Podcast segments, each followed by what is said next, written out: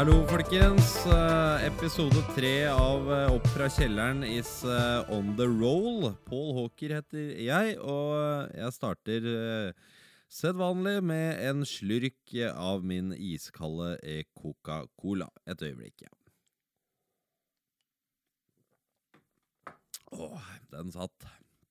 Det er greit å begynne med drikking når det er det vi skal snakke om. Dette er jo en litt annen type drikking, og av den positive sorten, så det bringer meg jo inn på hvordan det går med meg. Jo da, her går det så det suser. Ingen uh, fyllekule så langt. Uh, etter at jeg slutta Det har jo vært nok av fyllekuler, det er ikke det, men etter at jeg parkerte flaska da, i, i november, så er jeg fortsatt edru, altså. Og det, det føles uh, jævlig bra. Det gjør det. Det, det går bare framover nå. Så jeg merker at eh, Jeg merker at det er lettere eh, i gåsetegn enn eh, noen gang tidligere. Så det, det gir jo styrke, da. Det er utrolig slitsomt å fighte mot en avhengige. Altså fighte hver eneste dag. Det blir du stein sliten av, og da bukker man under til slutt. Men det har jeg sluppet. Så det er jeg utrolig, utrolig glad for. Så eh, litt sånn derre hvordan, altså, hvordan det føles, det, så er det Jeg merker at jeg, jeg er jo mer i balanse, hele meg. Jeg sover mye bedre om natta. Jeg har en sånn ro som jeg har eh, etterlyst de siste 15 årene. Og så kan man tenke seg hvorfor ikke jeg har klart å finne roen. Det er nok sannsynligvis fordi at alkohol har stått i huet på meg stort sett hele tida. Det, det er faen ikke kødd engang. Og det, det mer eller mindre hele tiden. Og det gjør at man, eh, man er en urolig person. Og drikking påvirker jo ting. Altså påvirker jobb, kjærlighetsliv, vennskap etc. Eh, og når du har et sånn derre skjær i sida på Eller mange har et lite skjær i sida på deg hele tida, så, så blir du litt sånn mentalt utslitt. Og derfor så, så er jo alkoholen skyld i at man ofte ligger og kverner på kveldene. Så, eh, så det slipper jeg jo litt mer unna nå, og det er jeg utrolig glad for. Det føles eh, magisk. Eh, jeg merker jo også at jeg tar litt mer sånn derre mental avstand til alkoholen. Og det bringer meg jo litt inn på noe jeg og psykologen min snakka om. Og det er jo altså sammenligningen av eh, eh, brudd med alkohol. Altså den dagen man velger å, å gå fra alkoholen. At det kan sammenlignes veldig, veldig med å gå fra en person som du er veldig glad i. At det rett og slett er som et vanlig brudd. Og um, Åssen kan du sammenligne det, tenker du sikkert nå. Men jo, jeg skal fortelle deg det. Eh, du har jo på en måte et slags kjærlighetsforhold til, eh, til alkoholen når du holder på, ikke sant? Med drikkinga. Du, du tenker på det hele tida. Du blir lykkelig når du får lov å være med den. Uh, den gir deg glede, uh, varme. Den bringer deg litt ned av og til. Altså veldig mange sånne fellestrekk som en, en kjæreste gjerne jo har. Og rett før et brudd, eh, også et samlivsbrudd, så er det jo gjerne også litt turbulent. Du har litt sånn elsk-hat-forhold til den du da ender opp med å bryte med. Og, og sånn er det jo med alkoholen også. ikke sant? Den har vært noe veldig bra for deg i veldig mange år, og, og også dårlig. Men også er den kanskje så dårlig for deg at du, du ender opp med å forlate den. Sånn som jeg gjorde, da. Og det gjør jo at man går også da inn i en slags sånn derre sorgprosess. Og de av dere som har hatt en ekskjæreste i livet deres, hvis dere tenker litt på hvordan dere hadde det etter at det ble slutt, da, så kan dere se for dere da hvordan jeg har det i forhold til eh, alkoholen. Eh, alkoholen for meg er jo en litt sånn kjip ekskjæreste som jeg hadde mye moro med, for å si det sånn. Og det som skjer da oppi huet ditt, det er at du er veldig glad for å være kvitt den. Eller kvitt A. Kall det hva du vil. Men samtidig så er du veldig nysgjerrig på henne. Og, altså, du er veldig sånn Du klarer ikke å slippe taket helt, da. Så det kommer sånne tanker om henne ikke sant, hele tiden. Sånn derre Hva gjør hun nå? Og så ser du kanskje et bilde på sosiale medier av at hun koser seg med noen venninner eller et eller annet, og så tenker du Å, der skulle jeg vært, liksom. Å, jeg skulle ønske det. Og sånn har jo jeg det med alkohol nå. Det er jo ikke sånn at jeg Jeg eh, savner jo ikke alkoholen noe særlig, men eh, hvis jeg ser eh, at noen andre koser seg med det, så savner jeg det litt. Altså Da kjenner jeg åh, fy faen, jeg er lite misunnelig på der, de der som sitter i solveggen på hytta si og, og drikker øl, for eksempel. Det, det er litt vondt for meg å se, da. Da, da blir jeg litt sånn sjaluaktig. sånn der jeg får den derre bitre, sære følelsen. Men så kommer den etterpå, den tanken bare Ja, ja, bare kos dere med hun der, dere. Fordi hun er jo en eh, drittkjerring, liksom.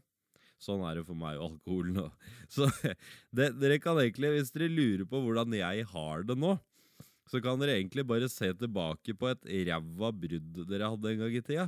Sånn har jeg det. Så det er veldig gøy. Så det går over, altså. Men igjen, bare så for å avslutte den sammenligningen av eh, alkoholbrudd og kjærestebrudd, så, så er det jo også sånn at hvis du treffer på eh, Si at, uh, si at du ikke finner deg noen ny dame, da, for eksempel. Og så treffer du på eh, ekskjæresten din etter noen år. Og så begynner dere å rote i et gatehjørne eller noe sånt. Det er jo det jeg må være oppmerksom på i forhold til alkohol nå. At det forholdet er over. Jeg skal ikke ha noe med alkoholen å gjøre. Ikke sant? Jeg skal ikke stå og rote med flaska på hjørnet når jeg finner det for godt, liksom om noen år. Den skal bare bort. Og sånn burde dere tenke, dere som forlater kjærestene deres, og la dem være. så, så sånn er det. Det er ganske interessant, altså de sammenligningene. Så, og det, det gjør jo at ehm, man får jo også et veldig sterkt forhold til hva folk syns og mener om det hele tiden. Altså et brudd òg, da, kanskje. Altså, du, skal, du har jo alltid noen gode venner sant, som skal mene Jeg må bare ta litt kaffe før jeg tørker ut. Mm. Jeg har både kaffe og cola her, vet du. Du må prøve å drikke litt kaffe før det blir kaldt. Men, eh, men eh, ikke sant? Du, hvis du slår opp med dama di Bare Bare hele tida ha den der alkoholtanken i bakhuet. Når jeg sier dama di, så er det alkoholen jeg mener, da. Så er det alltid noen som skal ha noen meninger om det. Ikke sant? Noen er sånn Å, fy fader, det var godt at du kom deg ut av det der greiene der. Å, fysj, fy Å, å, som vi har venta på det. Ikke sant? Du har de vennene, eller bekjente, og så har du de som, eh, som er sånn Nei, faen, du må jo Dere elsker jo hverandre. Du kan ikke gå fra og skal, Hvordan skal du klare deg da? Ikke sant? Så blir det sånn hvem, fa hvem skal du lytte til da? Det er ganske vanskelig, ikke sant? Så det beste er jo ikke lytte til noen av dem. Bare følge ditt eget hue. Og det er jo det jeg gjør nå. Når jeg gir altså så flatt faen i hva folk måtte mene om mitt ve og vel, at dere aner det ikke engang. Og det føles jævlig godt at dette her er min, og kun min, greie. Min og bare min. Det er derfor jeg deler dette her òg. Fordi at eh, jeg får noe ut av det. For meg så hjelper det å sitte og snakke om. Så at hva folk mener, ja, han kommer ikke til å klare det, eller å, så flott, eller uansett hva slags mening, det gjør ikke noe for meg. Så eh, artig med den der sammenligninga, egentlig. Og du kan si i en sånn alkoholikersituasjon, sånn som for meg og alle andre som drikker, så er det alltid noen pårørende rundt, ikke sant? Og det, vi snakka jo litt om det i, i forrige episode, så snakka jeg jo litt om hva man skal gjøre liksom når, når noen rundt deg sliter, da. Når, når du merker at uh, når du merker at uh, kollegaen din drikker for mye, ikke sant? sånn som det spørsmålet vi tok opp. Eller hvis du moren din driver og drikker, har en rødvinsdunk i klesskapet, og så er hun hele tida inne og bretter klær og blir bare gladere og gladere, ikke sant? og så vet du ikke hvordan du skal håndtere det. Så det er jo liksom én ting, men det er altså veldig mange tips og råd der ute. Det er masse sånne pårørende grupper og sånt på nett, ikke sant, hvor man kan kontakte andre pårørende, eller snakke i telefonen med noen som kan hjelpe deg med problemet og, og sånn. Men det jeg, jeg har jo lest litt av den litteraturen sjøl, til de pårørende, og det, det som slår meg litt, da, eh, som alkoholiker, det er jo Det er jo Altså, dette er min objektive mening, men det er rett og slett um, Jeg syns de splitter opp greia litt for mye. Altså sånn dem sier at eh, ja, nå må du huske at vi pårørende, vi må ta vare på oss selv oppi alt dette, og vi må, vi må, vi må Og så skyver de på en måte alkoholikeren bort, da. Alkoholikeren skal liksom bort. Altså han, eller Hvis alkoholikeren er nevnt som en han da i boka, for eksempel, som, eller en, på en, et forum på nett eller noe sånt, så er det sånn han tenker, han, Du må huske at alkoholikeren tenker bare på seg selv. Han bryr seg ikke noe om noen andre, og bla, bla. ikke sant? Og hvis du ikke har noe kjennskap til eh, alkoholisme, så Altså fra innsiden, hvis ikke du vet hvordan det er å være alkoholiker sjøl, hvordan kan du da si det?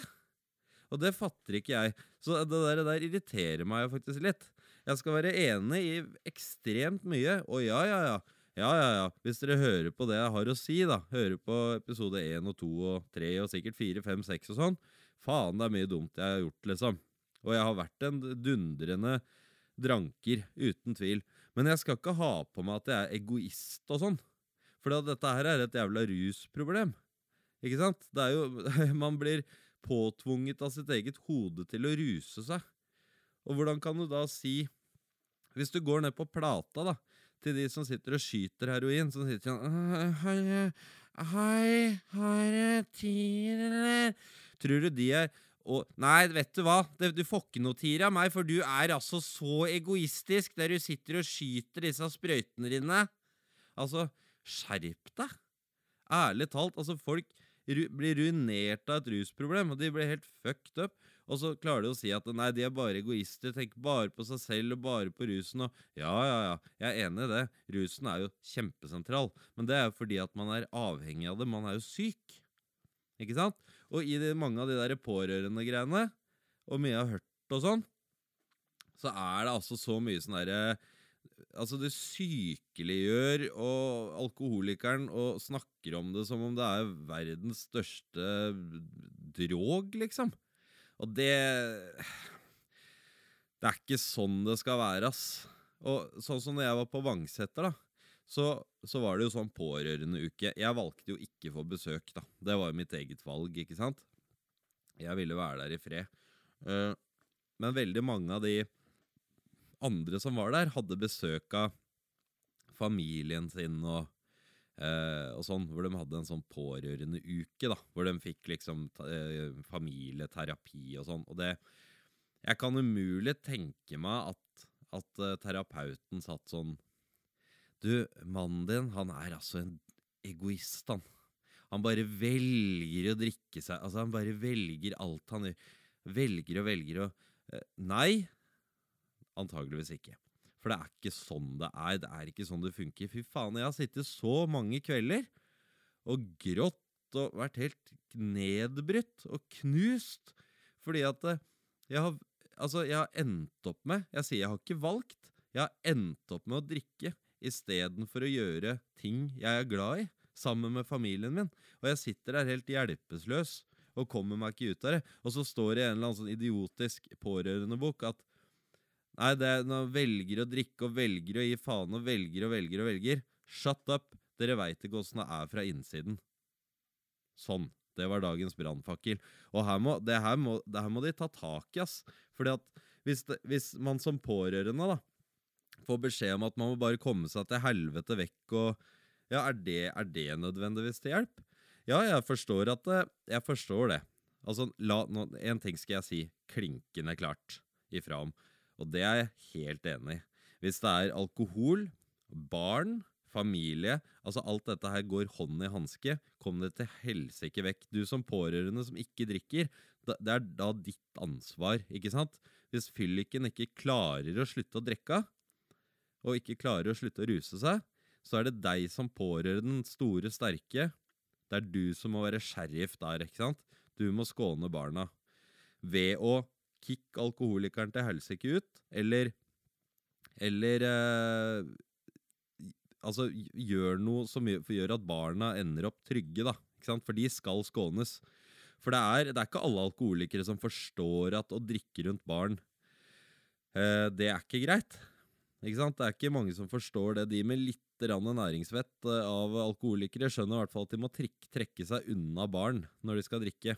Ikke sant? Jeg klarte å skjønne såpass at selv om uansett hvor tørst jeg var, eller noe sånt, så satt jeg ikke og drakk meg drita full mens unga lå og sov, eller eh, sånne ting. Det gjorde jeg ikke. Og det skal jeg ha, ha på mitt tørre. Men jeg stakk, altså. Jeg dro bort, da. Det var min greie, liksom. Og det er jo ikke noe bedre, det. For barna lurer jo på ikke sant, hvor, unge, hvor er pappa, og hva gjør pappa, og, og sånn. Og da må jo Da kommer det jo til et punkt til slutt, når mamma blir lei av å, å lyve for pappa, at uh, hun må fortelle at pappa drikker. Pappa drikker øl, liksom. Uh, og for meg så er det noe som funker, fordi jeg vil ikke være han som drikker øl istedenfor å være med barna mine, liksom. Det er ikke jeg interessert i. Men det derre evinnelige jaget om å Og det gøye òg, da. Det er sånn Ja, nå har du, eh, nå har du gjort alt for alkoholikeren, og alkoholikeren og, og, liksom har bare lurt deg og brukt deg og manipulert deg og fucka med deg og lagd helvete for deg i x antall år. Så nå er, det, nå, er det, nå er det du som skal skinne. Så er det sånn Ja vel. Så du skal da eh, conquer eh, egoisme og som alkoholikeren da tilsynelatende driver med, det skal du da conquer med å være egoist. Bravo, tenker jeg da. Så det her, det må de ta seg sammen på. De har mye å lære, faktisk. Men jeg, jeg skal være førstemann hvis det er noen som reagerer på det jeg sier her. Skriv til meg, så skal jeg ta den diskusjonen. Men for all del, det er jævlig viktig at du som pårørende ikke grav deg ned, ikke sitt aleine med eh, problemet ditt. Ikke sant? Ikke sitt aleine med det problemet ditt. Når jeg sier problemet ditt, det er ikke du som har noe problem, men du bor sammen med et menneske som ruser seg. Ikke sant? Så da har du et par ting du må gjøre. Ja da, det er riktig som de pårørende sier, at, eh, eller pårørendeforeningene sier, at du skal ta vare på deg selv og, og være ansvarlig for barna hvis, hvis uh, den andre parten ruser seg. Det er selvfølgelig, ikke sant? Men det forstår alle. Uh, men, men det er viktig at du tar kontakt med noen, snakker med noen og får, får hjelp, da. Uh, til hvordan du skal håndtere situasjonen. Fordi det er ikke alltid sånn at det å sparke en alkoholiker ut døra er løsninga. For du kan faktisk være ganske mye kjærlighet i bånd her òg. Og det må du ikke glemme. Uh, for noen, så For meg så er det, er det medisinen. Å bli sittende aleine til jeg skjønner det sjøl. Uh, er det det her jeg vil? liksom? Har jeg lyst til å sitte aleine og drikke? Nei. Så for meg så er det å få en dør i trynet og, og, ha det jævlig og gå rett til bakken. Det var min løsning. Men for mange på Vangseter så er ikke det løsninga i det hele tatt. For mange av de som jeg var inne med, så, så var familien der kjempestøttende hele veien. Det var aldri snakk om å sparke noen ut eller noen ting. Og, så de, de, de redda det inn med De fikk alkoholikeren til å forstå ved hjelp av ren kjærlighet. Og det går an. Det går an. Så det der at man skal slå hardt mot hardt og være en bastant bauta, det er ikke alltid veien. Og jeg tenker at ja, men jeg har prøvd med kjærlighet mange ganger. Jo da, men det fins noe som heter tøff love òg. Og det er jo en prat man kan Man må for all del ta den i edru tilstand, ikke når uh, den som ruser seg, er rusa. Det er jævlig klønete tar det når han og hun er edru. Så tar du den praten, og så forteller du at vet du hva? Jeg skjønner at du ikke forstår det selv, men jeg ser at du har et kjempestort alkoholproblem. Og så sier, kan det hende du får litt benektelse. Nei, det er bare ute med venner og bla, bla, bla. Ikke sant? Og da må du si at jo, men du har et ansvar, ikke sant? Du har en jobb du skal skjøte, du har eh, familie, du har barn som ser opp til deg, og så velger du likevel å drikke jeg kan ikke være med på det. Jeg, jeg skjønner at du ikke ønsker å, å, gi deg eller ser noen grunn til det, men jeg kan ikke være med på det. Og det er å gi kjærlighet, fordi at du sier at vær så snill, kan du, kan du prøve å gjøre noe med det, liksom? Og hvis det ikke funker, gang på gang på gang på gang, greit, så må du bare gå, da. Men det trenger ikke å gjøre sånn Jævla fyllik, kom, kom deg til helvete ut! Det trenger ikke å være sånn. Det kan gjøres på en ordentlig måte også. Og si at jeg, jeg har ikke noe lyst til å leve som Altså, jeg har ikke lyst til å leve rundt alkoholen. Jeg takler ikke det her, jeg må gå. Det er en måte man kan gjøre det på. Så det er ikke sånn at eh, gjør det sånn og gjør det sånn. Og det er litt, det er litt skummelt med det pårørendeopplegget. I hvert fall den litteraturen jeg har vært borti. Så er det veldig bastant da, på hva man skal gjøre og, og sånn.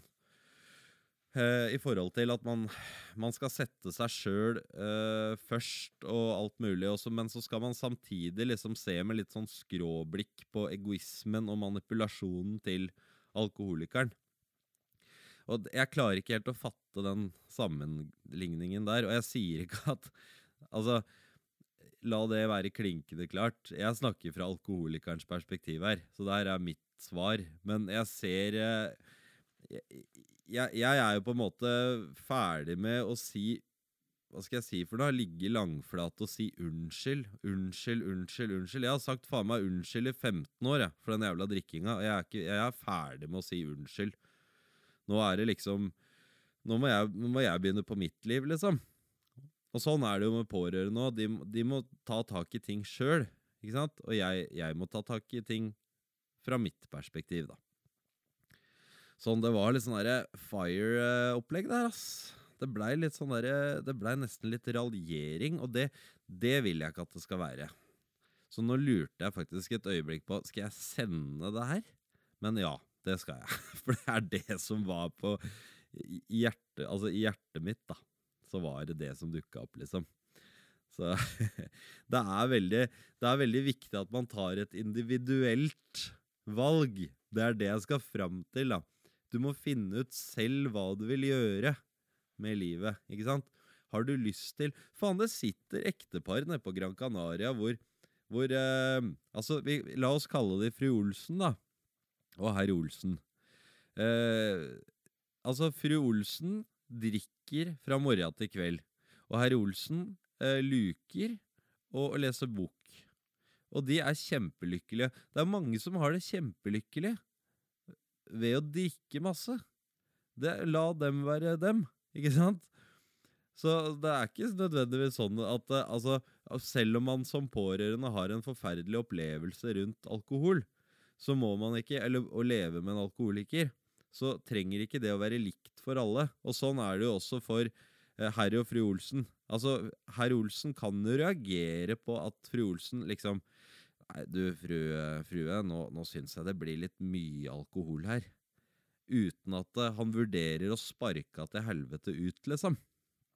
Og det er det jeg skal fram til. Det er det som er så individuelt, da.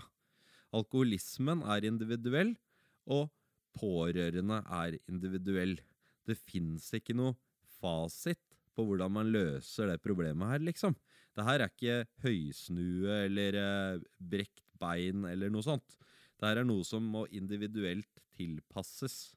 Så de som er bastante på tilfriskningsprosesser og at uh, den her funker eh, ti av ti ganger og bla, bla, bla, det er piss, liksom. Alle må finne sin vei og sin årsak og sin måte å komme seg ut av dette på. Så eh, er det også en ting til som jeg vil ta opp, og det gjelder jo både alkoholikere og, og pårørende. Altså hvis vi nå, nå, Målet mitt er jo at vi skal slå de sammen, da, sånn at det blir et slags team, istedenfor at man har sånn snøballkrig med en gjeng fylliker på den ene sida og så har du en gjeng sinte pårørende på den andre sida som står og kaster snøballer på hverandre med meninger om hvordan man skal bli edru, og hvordan man skal leve som alkoholiker og pårørende. For det jeg vil, er at man skal lenke hendene sine sammen og gi hverandre en god klem og finne en løsning. Ikke sant? Finne en løsning. Eh, for eksempel i min situasjon så vet jeg jo at hvis jeg, skal, hvis jeg vil drikke, så kan ikke jeg, da får ikke jeg lov å være en del av den familien jeg er i. Og det vet jeg, ikke sant? Så hvis jeg velger å drikke, og det har jeg jo da sagt også til min familie ganske knallhardt, at jeg er nå der, sa jeg, at jeg har skjønt nå at hvis jeg begynner å drikke nå, så er det det jeg har valgt. Da har jeg valgt det. Ikke sant? Da har jeg valgt at eh, jeg har ikke lyst til å kjempe. Og det, nå snakker jeg ikke om å være i aktiv alkoholisme. For da er man i en sånn kjemisk ubalanse, i tillegg til psykisk ubalanse, at da skjønner man ikke sjøl hva man driver med i hele tatt. Men jeg snakker om hvis man har vært frisk lenge, og man har på en måte funnet den der balansen i hverdagen sin. og, og vet konsekvensene. Man vet at ok, hvis jeg drikker nå, hvis jeg velger å dra på fest nå, eller hvis jeg velger å sette meg ned med en kasse vin, så er det liksom det jeg har valgt. Da jeg har valgt det, for da må jeg velge å bryte opp all den fine ting, altså alt det fine jeg har klart å bygge opp igjen. Det må jeg rive ned for å få drukket, da. Da er det på en måte et slags valg. Og det blir noe annet enn når du er i selve rusprosessen, hvor du sitter og er på dag 250 som alkoholiker. Ikke sant? Altså, du har ikke Du er så i mental ubalanse at du, du skjønner ikke sjøl. Den eneste måten å se litt farve og glede i hverdagen er å få drukket. Det er noe annet, liksom. Så det der, det, det kan jeg bare si. Det er det stor forskjell på, altså. Det merker jeg sjøl nå. Hadde du spurt meg for tre måneder siden, når jeg var midt i drikkinga mi, hvis du hadde sagt fra til meg nå Du, i morgen så, eh, så må du nesten velge om du vil drikke eller ikke, så hadde jeg havna Jeg hadde gått rett på fylla. Momentant. Men nå som jeg har fått reflektert litt og vært edru ikke sant, en god stund, og fått lov til å legge meg på kvelden og tenke gjennom dagen og eh, få lov å kjenne på ekte følelser og føle at jeg mestrer ting, og føle at oi, det var en fin dag, det var ikke en så fin dag, og rett og slett få lære meg hvordan det er å være et vanlig menneske i gåsetegn, så vet jeg så mye mer ikke sant, om meg sjøl. Da har jeg mye mer skyts da, for å ta det riktige valget i gåsetegn. Da vet jeg at hvis jeg holder meg unna, så blir livet mitt sånn og sånn. Hvis jeg velger å drikke, så blir livet mitt antageligvis sånn. Og da står du overfor et veivalg. Men hvis du er aktiv alkoholiker som har mista alt, og så skal, får du da beskjed om å ta det veivalget Det veivalget ser jo da ganske annerledes ut, ikke sant? Og det er jo det jeg vil fram til. Så ja, det var uh, Dette her var en Det blei en litt røff episode, men det er jo litt sånn dette her skal være òg. Jeg vil at det skal være litt røft, for det her er min pod. Så jeg bare buser og spyr ut det jeg føler. Og uh, jeg regner med at uh, jeg regner med at uh, det er sikkert mange som irriterer seg over mye av det jeg sier her. Men og kom gjerne til motsvar. Det er helt i orden. Men du må huske på at dette her er fra alkoholikerens perspektiv. Og det er ikke noe annerledes for meg å forsvare noe eller forklare at det dere mener her, er kanskje ikke helt riktig. Ikke sant? Det blir jo som en to politikere som står og diskuterer den samme saken, og så har de allikevel 70 000 synspunkter på hvordan den saken skal løses på en riktig måte. Og sånn er det jo med meg òg, og det er det, det, jeg prøver å stå litt opp for nå, da. Det er, ikke, det er jo det at alkoholikere er ikke bare en gjeng skadeskutte rusmisbrukere uten uh, mål og mening og ryggrad, ikke sant? Og det er litt sånn det blir framstilt, da. Og det That's not right, Abe. Så la det være dagens raljering. Og til dere pårørende, bare for å avslutte dagen, så, så vil jeg si at uten dere så er det antageligvis ikke så veldig mange av oss som hadde vært i live i dag. Og kanskje ikke vært edru heller. Så det dere gjør ved å være til stede for de som sliter, det er fader så mye verdt at det forstår dere ikke sjøl engang. Altså hvor viktige dere er, selv om dere føler dere uviktige. For jeg gjentar det jeg sier i første episode. Man slutter ikke å elske en person. Kjærligheten blir ikke borte fordi om man sitter og drikker. Man skjønner sjøl at det man sitter og gjør, er ikke bra. Det er ikke riktig. Og når man selv da velger å gjøre det, så kan dere forstå prøve å forstå selv hvor sterke mekanismer som er i sving. da. Det er ikke snakk om en sigg eller en snus. Det er, det er masse som foregår oppi hodet. Helt sinnssykt. Så jeg har litt lyst til å Neste episode så skal jeg snakke litt om hvordan alkoholen virker på oss. For det tror blir, det tror jeg blir veldig spennende. Der har jeg mye interessant å komme med. Så det her blei litt sånn raljeringsepisode, som sagt. Men uh, jeg syns det er fint at dere hører på. Og jeg håper, jeg håper at dere forstår hvor engasjert jeg er i dette her. da.